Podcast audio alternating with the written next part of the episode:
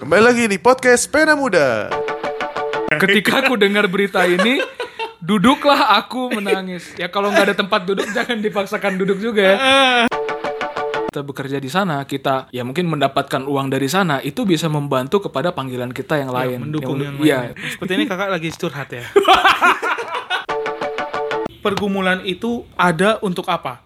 Menurutku tujuan adanya pergumulan itu yang pertama menyatakan Allah yang besar dan diri yang kecil. Melihat dan sangat bersyukur kepada Allah kita. Allah kita adalah Allah yang memanggil kita untuk sebuah perintah atau untuk sebuah panggilan. Terus bagaimana? Apakah Allah itu menghilang? Tidak apa? Tidak meniadakan rasio mentang-mentang itu panggilan Allah, tapi juga tidak meniadakan Allah mentang-mentang kita mengandalkan rasio. Wah itu. Dan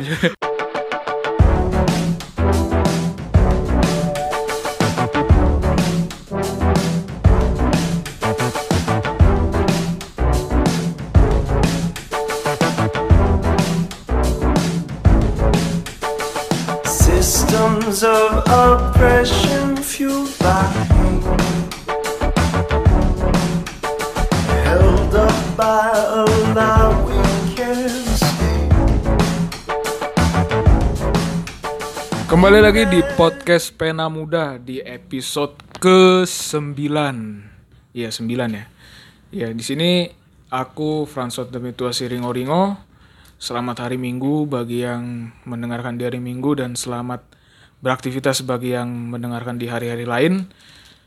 Eh minggu lalu kita sudah membahas tentang panggilan bersama seorang yang seorang sahabat yang sangat serius ya orang pendiriannya memang pembawaannya dan sekarang kita masih bersama dia ya, Dedi Chandra Nababa Ya, halo Frans. halo Ded Ya, gimana kabar Ya baik baik saja sih. Baik-baik Kalau. Frans gimana? puji Tuhan baik ya harus tidak tidak Tuhan. terasa nih podcast sudah episode ke-9 nih Ya. ya, semoga bisa sampai episode episode 90 99 kali ribu kayaknya 9 ya. Iya. Semoga ya berapapun itu.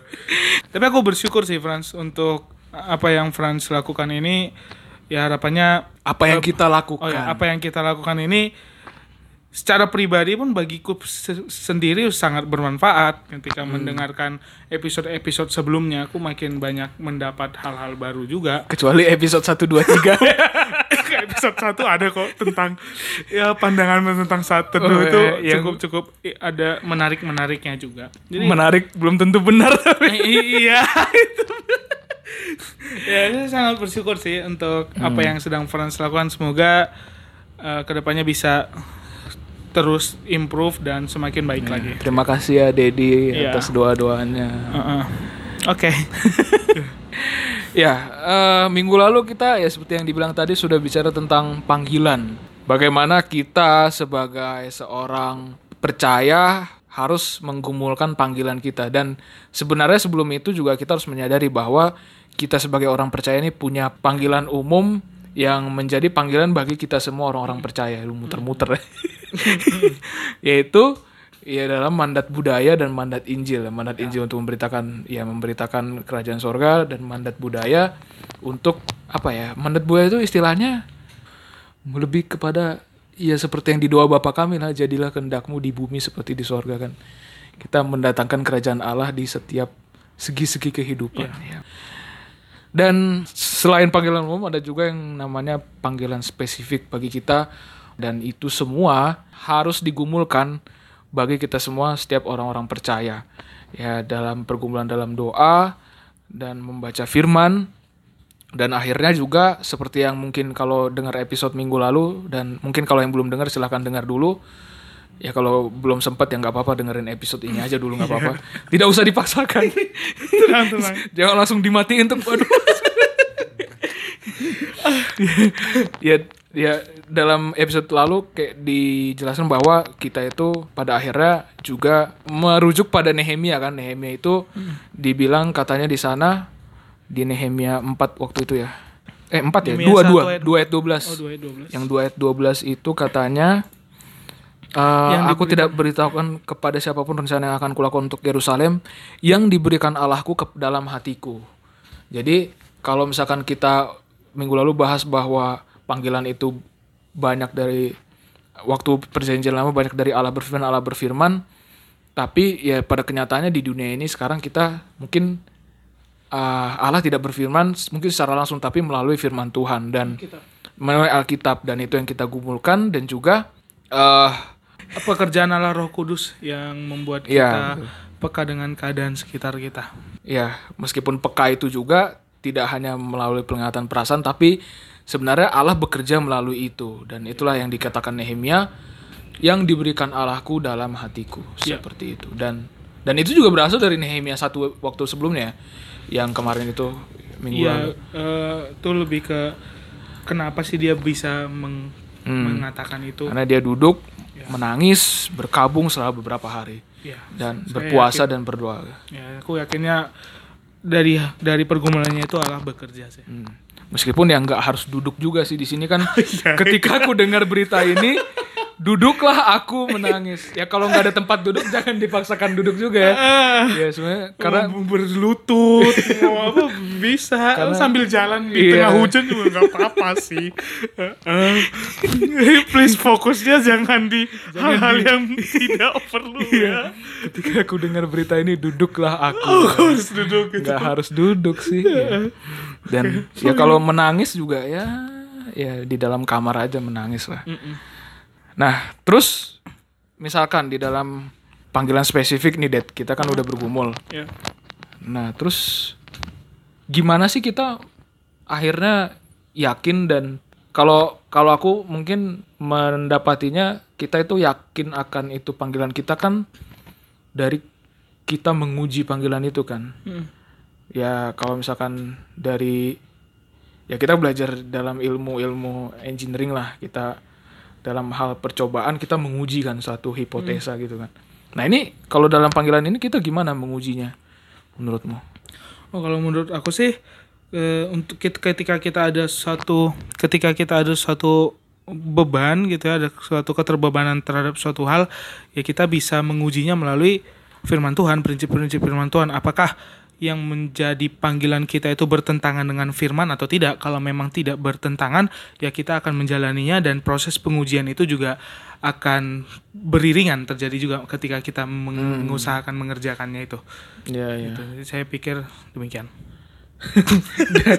Ka- kalau dari sisi praktikalnya mungkin eh juga ya gak bertentangan dengan firman Tuhan dan gak bertentangan mungkin kalau misalkan aku bilang gak bertentangan dengan kondisi kita saat itu gimana Maksudnya? menurutmu? Jadi panggilan kita itu buat pergi ke Papua, tapi kondisi kita di Palembang. Hah. Ya bisa sih naik pesawat. C- Cuman biaya tidak mendukung, apa-apa tidak mendukung. Oh, itu poin yang akan kita bahas juga sih saat ini. Ketika kita punya panggilan terhadap suatu hal, sebenarnya siapa yang mengerjakan dan siapa yang menolong untuk itu terjadi. Hmm, Misalkan Franz ya, tadi ya. bilang, aku ada kerinduan nih ke Papua. Entah ngapain itu ya Franz. Saya mau ngapain btw? Ada? Mau apa ya? Mau nanam jagung misalnya. Ah, iya oke lah. Kenapa nanam jagung? ya apa pun itu mungkin di sana nggak ada jagung. Saya juga kurang tahu. Ya kata- kayak misalkan lah ada kerinduan ke Papua misalkan dan itu tidak bertentangan dengan firman. Ya saya sangat percaya bahwa Tuhan yang akan menolong di dalam prosesnya sehingga kalau memang itu datang dari Tuhan, ya Tuhan akan mengerjakannya itu di dalam kehidupan Franz sehingga Franz bisa pergi ke satu tempat itu. Berarti butuh kalau aku bilang butuh kerendah hatian juga ya di dalam menguji ini. Ya, Karena ada satu sisi, ada satu momen mungkin kita yakin bahwa panggilan itu sebenarnya panggilan untuk kita, tapi eh, situasi tidak mendukung. Nah, tapi kita bersikeras bahwa itu panggilan kita. Kadang ada orang yang seperti itu oh, dan iya, iya. pada akhirnya malah bisa jadi itu memang bukan panggilannya kan. Iya, dan bisa jadi itu ego kita. Iya, iya. ketika kita ada hal dan sepertinya tidak bisa dan tidak mm, tidak mungkin untuk dilakukan dan lain sebagainya lah ya. Tentunya itu juga diuji dalam proses waktu ya dan pada akhirnya pun melalui pergumulan panggilan ini pun kita bisa semakin belajar mengenal diri kita sih tingkat Hmm. egois kita seperti apa dan lain sebagainya Dan yang paling penting- dan yang paling penting bagiku adalah kita berespon menundukkan kehendak kita di bawah kehendak Allah Hmm, ya, ya. gitu sih Kalau misalkan bahas tentang panggilan ini, panggilan dalam menjalaninya misalkan. Dalam menjalaninya itu kan eh apa sih yang harus diperhatikan seba dalam kita sebagai orang percaya ini menjalankan panggilan spesifik yang dari Allah itu kita udah dapat. Nah, terus jalaninya pasti kan nggak nggak lepas daripada bagaimana kita mendapatkannya kan. Proses kita mendapatkannya kan bergumul dan sebagainya dan dalam proses kita menjalannya bagaimana?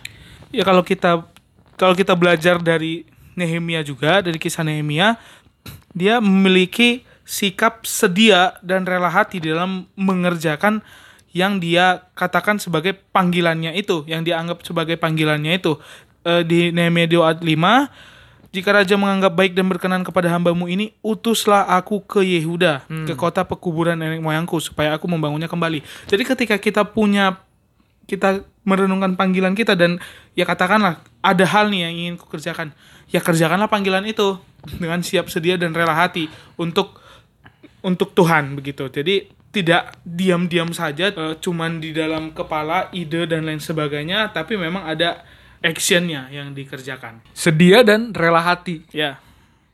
Karena di situ seperti yang Franz bilang juga di episode sebelumnya, dia dalam kondisi nyaman nih sebagai juru eh, ju- dia pekerjaannya sebagai juru minum ya. Iya, juru minum Iya, raja. Juru minum raja dan itu sesungguhnya pekerjaan penting di dalam kerajaan karena dia yang berkaitan langsung dengan raja dan sangat Ya, ya. Penting pengaruhnya terhadap kerajaan itu. Kalau misalkan bayarannya mungkin gede ya. Iya mungkin, iya iya iya, Eh, dan nggak banyak orang juga sih sepertinya ya Iya, yang menjadi betul, minuman ra- juru minum raja. Menjadi minuman raja. Ya karena kalau misalkan eh, si si siapa namanya si Nehem- Nehemia ini bukan orang yang baik dan lain sebagainya, mungkin dia bisa aja membunuh raja gitu dengan membohongi membohongi. Karena itu kan penjajah kan Uh-uh, si raja iya. ini. Sementara dia sendiri orang Yerusalem asli kan. Heeh. Nah, jadi dia dia meninggalkan hal itu dan bergegas untuk dat kembali ke Yerusalem. Gitu. Jadi bersedia juga kita untuk mengerjakannya. Sedia rela hati. Menarik sih sedia dan rela hati ini. Kadang panggilan itu kan tidak enak ya. Ya, Jadi sesuatu yang mungkin di luar zona nyaman kita kan. ya, Dan banyak orang yang padahal itu yang menjadi panggilannya. Nah itu juga menarik tuh. ya. Orang tuh bisa kan suatu panggilan yang di luar zona nyamannya kan. Bisa, bisa. Bisa. Ya, dan aku juga punya beberapa teman sih yang dia dan beberapa orang juga yang ku tahu ketika dia sudah stabil di dalam pekerjaannya A gitu ya. Ada kegelisahan di dalam hatinya untuk yang lain, yang hal B. Dan di dalam pergumulannya dia akhirnya memutuskan untuk meninggalkan A yang sangat-sangat-sangat sudah stabil ini dan sangat nikmat dan lain sebagainya lah. Pada akhirnya dia meninggalkan pekerjaan A-nya itu untuk mengerjakan yang B tadi. Itu saya se- itu aku sangat sering dengar sih dan punya beberapa teman juga seperti itu. Mungkin Fran juga nanti begitu. Oh iya mungkin ya. Iya, iya. Sekarang sedang menjadi engineer dan Iya. lain sebagainya. Terus nanti jadi Iya itu yang akan ada di episode kesekian podcast ya. ya mungkin eh, podcast ini mungkin yang menjadi panggilan ya gitu. Iya tahu bisa ya. juga bekerja di bidang media begitu Ah, ya, Mem- betul, mem- menyampaikan firman Tuhan melalui media yang ada. Ya ya ya. Nah terus eh kita udah mendapatkan terus mengerjakan dengan sedia dan rela hati dan setelah itu dalam hal mengerjakan itu apalagi sih yang harus diperhatikan? Ya terkadang kita terjebak di dalam pemikiran bahwa saya panggilannya A dan saya mengerjakan A dan semuanya tentang saya. Tidak seperti itu. Pada pada kenyataannya siapa sih yang sebenarnya mengerjakan panggilan itu dalam hidup kita, oke lah, kita pun tetap mengerjakannya, kita punya tanggung jawab di dalam mengerjakan hal itu, tapi lebih daripada itu dan esensi dari itu, siapa sebenarnya yang mengerjakan dan menggenapkan panggilan itu bagi kita? Yaitu adalah Tuhan sendiri yang mengerjakan panggilan itu dari dalam hati kita, da- panggilan itu di dalam kehidupan kita. Ini menjadi hal yang menjadi penghiburan bagi kita ketika kita menghadapi berbagai tantangan atau halangan-halangan di dalam mengerjakan panggilan itu, kita perlu menyadari bahwa Tuhanlah yang mengerjakan panggilan itu. Kalau kita lihat teknisnya seperti apa, Allah yang menyertai itu. Teknisnya seperti apa? Kalau kita lihat di Nehemia 2, balik lagi ke Nehemia 2, keadaannya kan Nehemia masih menjadi juru minum raja. Dan untuk dia pergi ke Yerusalem, dia perlu izin dari raja. Dan juga dia oh ini lagi. Poin yang pertama tadi kan bersiap sedia dan rela hati. Terus kita Iya. juga perlu menyusun rencana-rencana yang konkret di dalam mengerjakan panggilan ini. Kalau misalkan kita tidak menyusun rencana dan lain sebagainya ya kita lari dari tanggung jawab. Kita tidak bertanggung jawab atas panggilan itu. Dan di sini sangat jelas dikatakan bahwa di, di Nehemia 2 ayat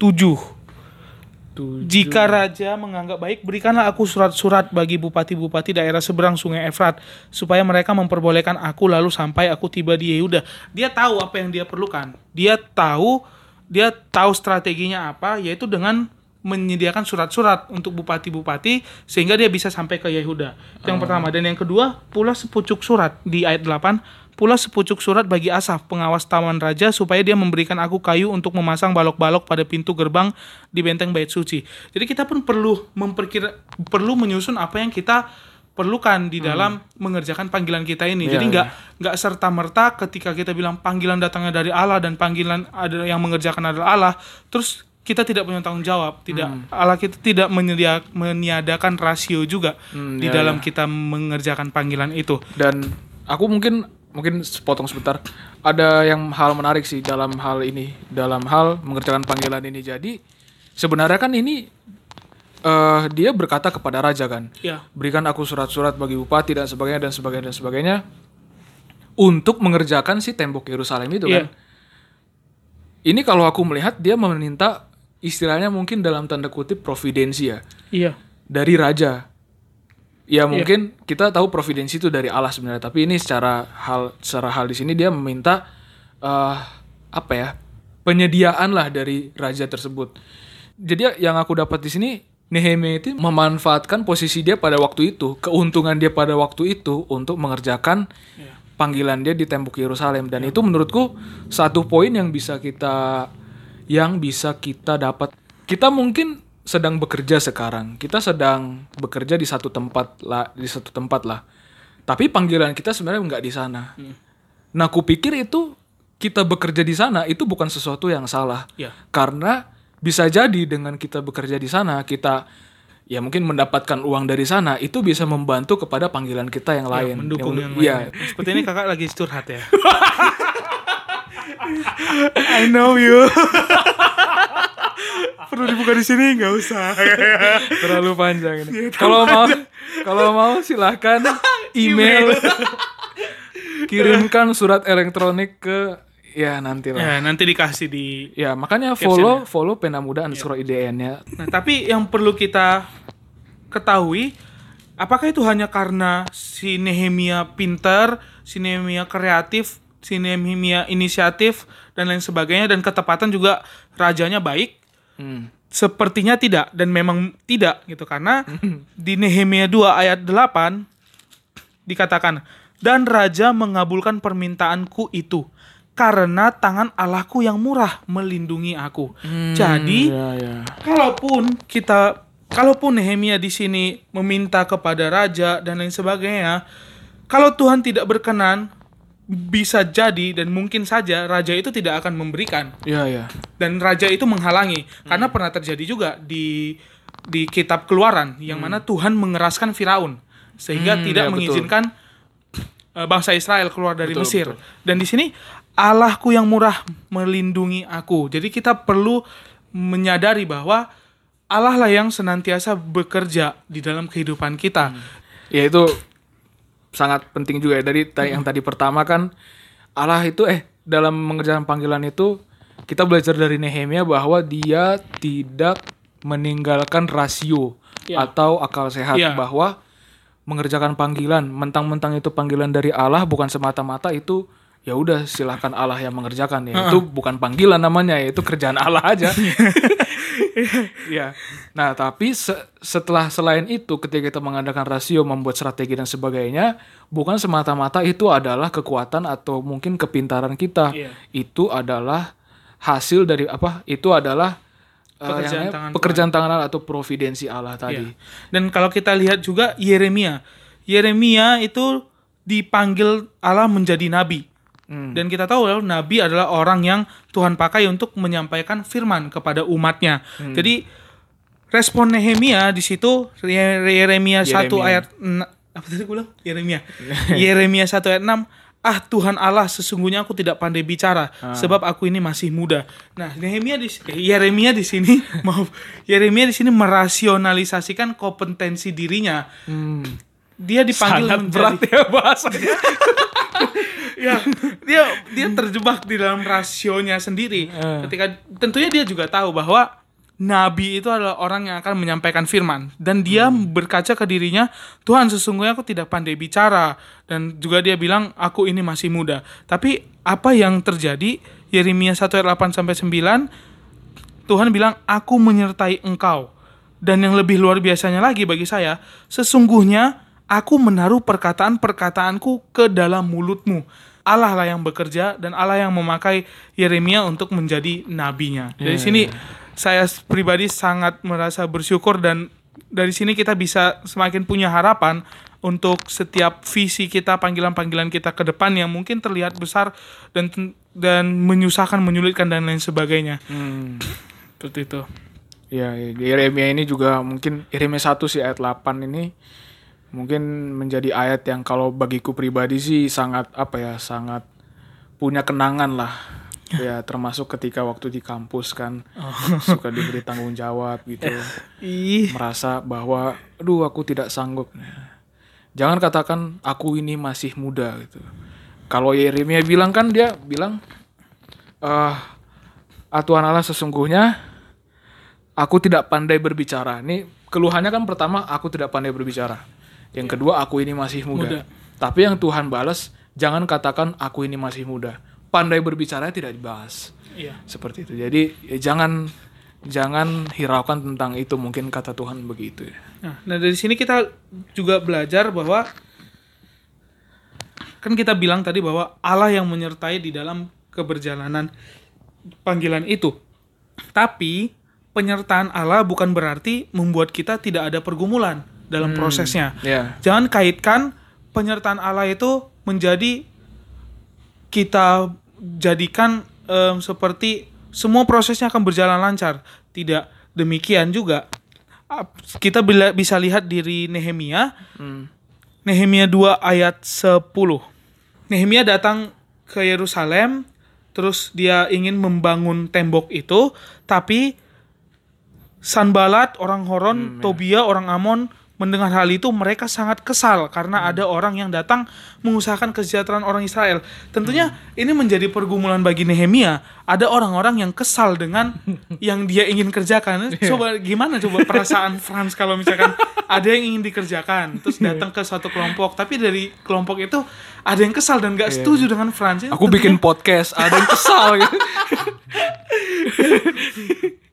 itu ini tentunya menjadi pergumulan bagi Nehemia. Iya, iya. dan jadi ada dua kelompok di saat itu ya dan yang yang kontra. Dan tapi tangan Tuhan tetap menyertai. Ada kelompok yang setuju dengan Nehemia.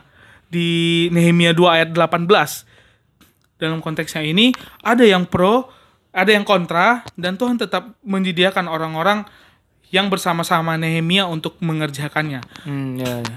Nehemia belum tahu apa yang akan terjadi nantinya. Entahnya itu kelompok Sanbalat ini akan terus mengganggu dan lain sebagainya, belum tahu. Tapi dia memiliki iman yang luar biasa yang yang luar biasa di dalam panggilannya ini. Dia bilang Allah semesta langit, dialah yang membuat kami berhasil. kami hamba-hambanya telah siap untuk membangun. Jadi dia belum tahu sebenarnya apa yang akan terjadi ke depannya.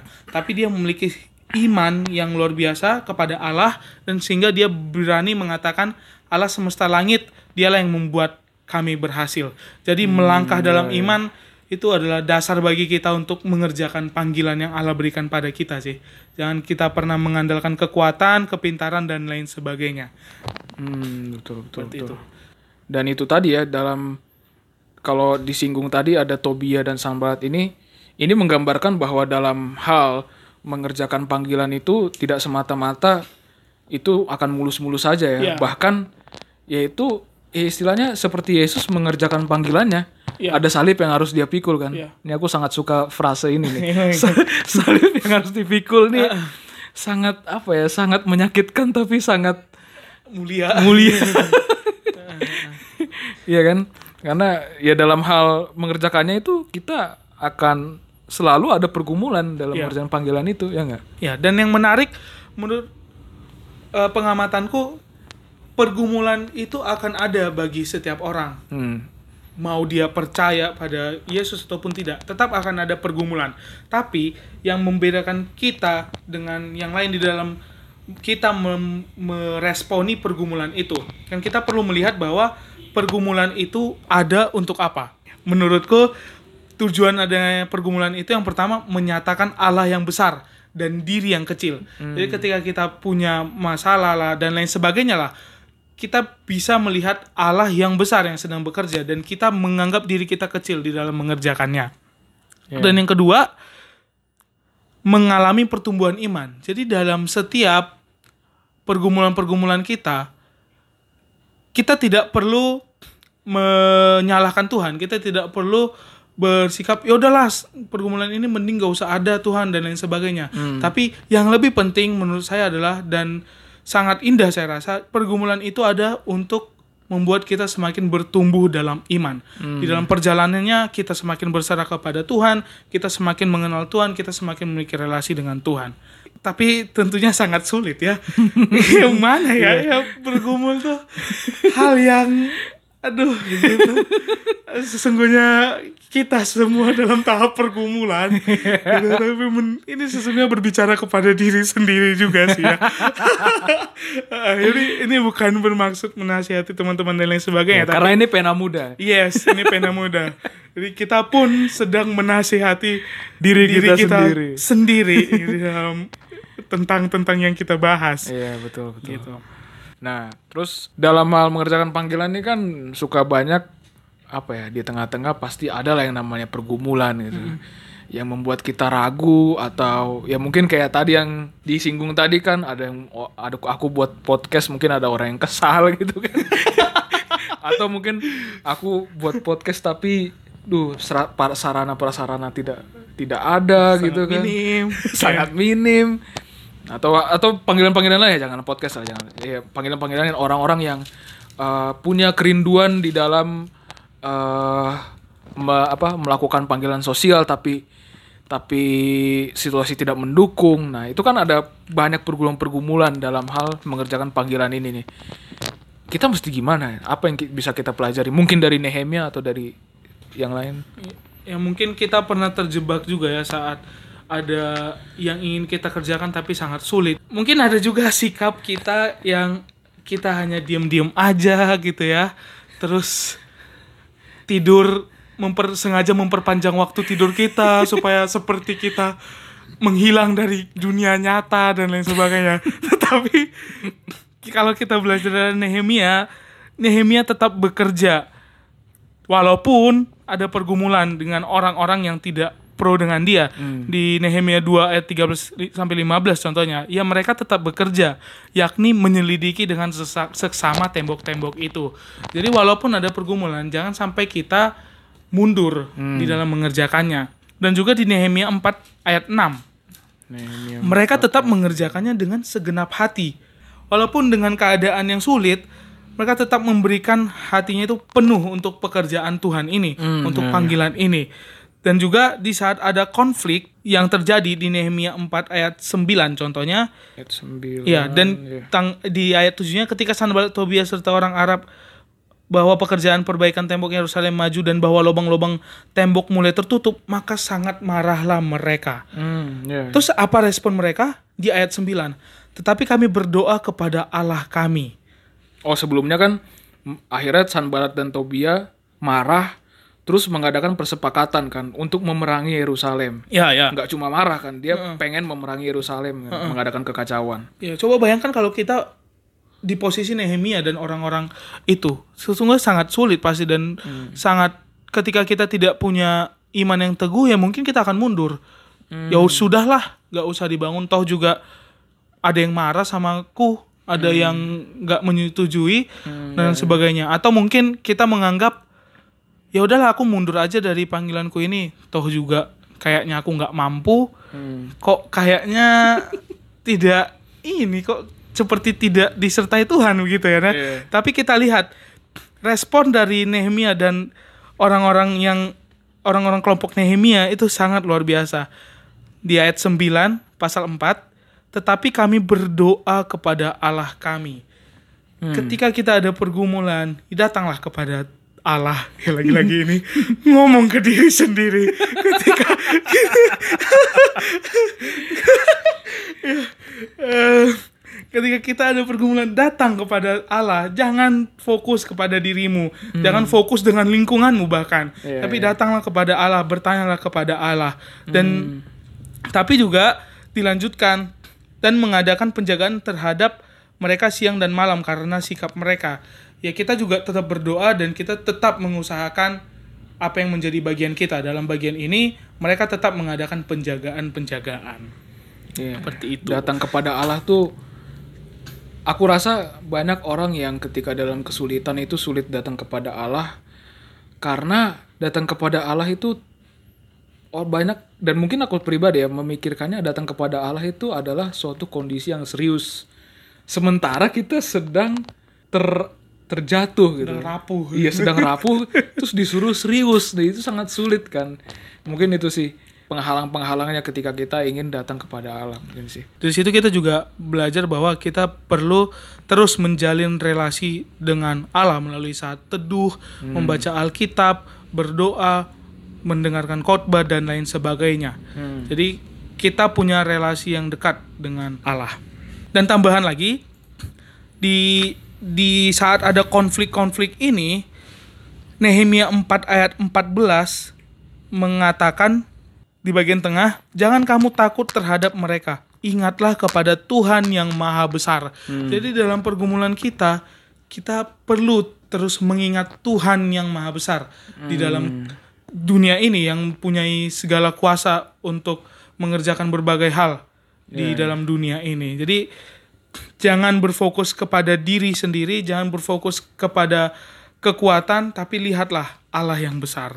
Tuh, tuh, tuh. Dan kalau misalkan kita lihat di Nehemia 4 ayat 20 juga kan Ya, Allah kita yang- akan berperang ah, bagi kita. dan bahwa di situ bukan dia yang menjadi si Nehemia bukan bukan ne- meskipun dia berani dalam menghadapi segala ta- apa halangan-halangan itu orang-orang yang ingin menjatuhkan dia berani tapi beraninya itu bukan karena dia merasa pasukannya besar tapi bahwa dia berani bahwa Allah lah yang akan berperang bagi mereka Ya. orang-orang itu Di sini kita melihat dan sangat bersyukur kepada Allah kita. Allah kita adalah Allah yang memanggil kita untuk sebuah perintah atau untuk sebuah panggilan. Terus bagaimana? Apakah Allah itu menghilang? Tidak. Allah kita adalah Allah yang menyertai kita juga di dalam ya. pengerjaannya. Jadi sangat luar biasa Allah kita ini. ya Providencia Dei Yes. yes Ya, betul, the betul. providence of God. Ya, jadi Nehemia ini sebenarnya eh, sangat apa ya? Dalam dalam hal mengerjakan panggilan ini sangat bisa kita dapatkan pelajaran-pelajaran yang berharga karena bisa jadi ini sangat relate dengan kehidupan sekarang. Terlebih karena di sini tuh eh, tidak ada apa apa ya mungkin bahasanya adegan-adegan di mana Allah berbicara langsung dan sebagainya kan. Jadi sangat sangat sangat relate. real. ya. Iya. Gitu. Ya mungkin sudah sangat panjang lah. Ini juga udah 30-an menit. yang kita bahas tentang dari awal mengenai menjalani panggilan. Dari awal tuh menguji, menguji panggilan, bagaimana kita menjalani panggilan tersebut, bagaimana kita tidak mengandalkan tidak apa tidak meniadakan rasio mentang-mentang itu panggilan Allah, tapi juga tidak meniadakan Allah mentang-mentang kita mengandalkan rasio. Wah itu Dan- poin yang bagus. Dan juga eh ada juga kita tidak apa ya da- dalam hal menjalani itu ada pergumulan, ada tantangan dan itulah yang justru dalam hal itulah ada tujuan-tujuannya kita menjalani pergumulan itu dan ada eh, Allah yang menyertai kita dalam kita menjalani pergumulan itu. ya, Nah mungkin hal terakhir det lah sebelum kita berpisah nih. ya untuk hal yang terakhir ya mungkin saya aku ingin mengingatkan bahwa tujuan panggilan ini apa sih sebenarnya Se- secara esensinya apa? Apakah itu hanya terbatas di mengerjakan panggilan itu? Apakah pembangunan tembok Yerusalem hanya sebatas membangun tembok Yerusalem dan sudah selesai? Tidak.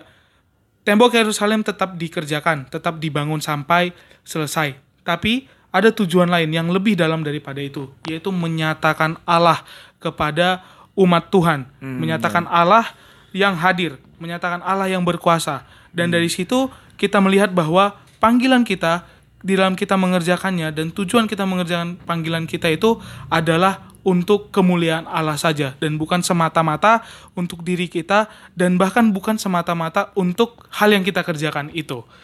Jadi ya, tujuannya itu adalah untuk memuliakan Allah kita. Dan itulah yang sangat membedakan antara panggilan orang percaya dalam kehidupan. Soli Deo Gloria. Iya. Ya, terima kasih Det untuk perbincangan yang sangat panjang dan pergumulan yang sangat-sangat ah, ya kita menikmati pergumulan ini lah. Iya.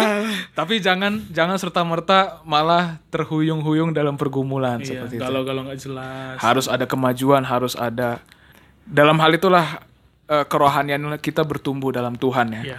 Seperti itu. Terima kasih Det Heeh. dalam episode-episode ini juga episode sebelumnya. Iya. Terima kasih untuk setiap sharing-sharingnya. Sama-sama Frans. Semoga kita bertemu di episode-episode selanjutnya. Kayaknya saya- banyak sih yang akan kita bahas. ya saya sangat berharap.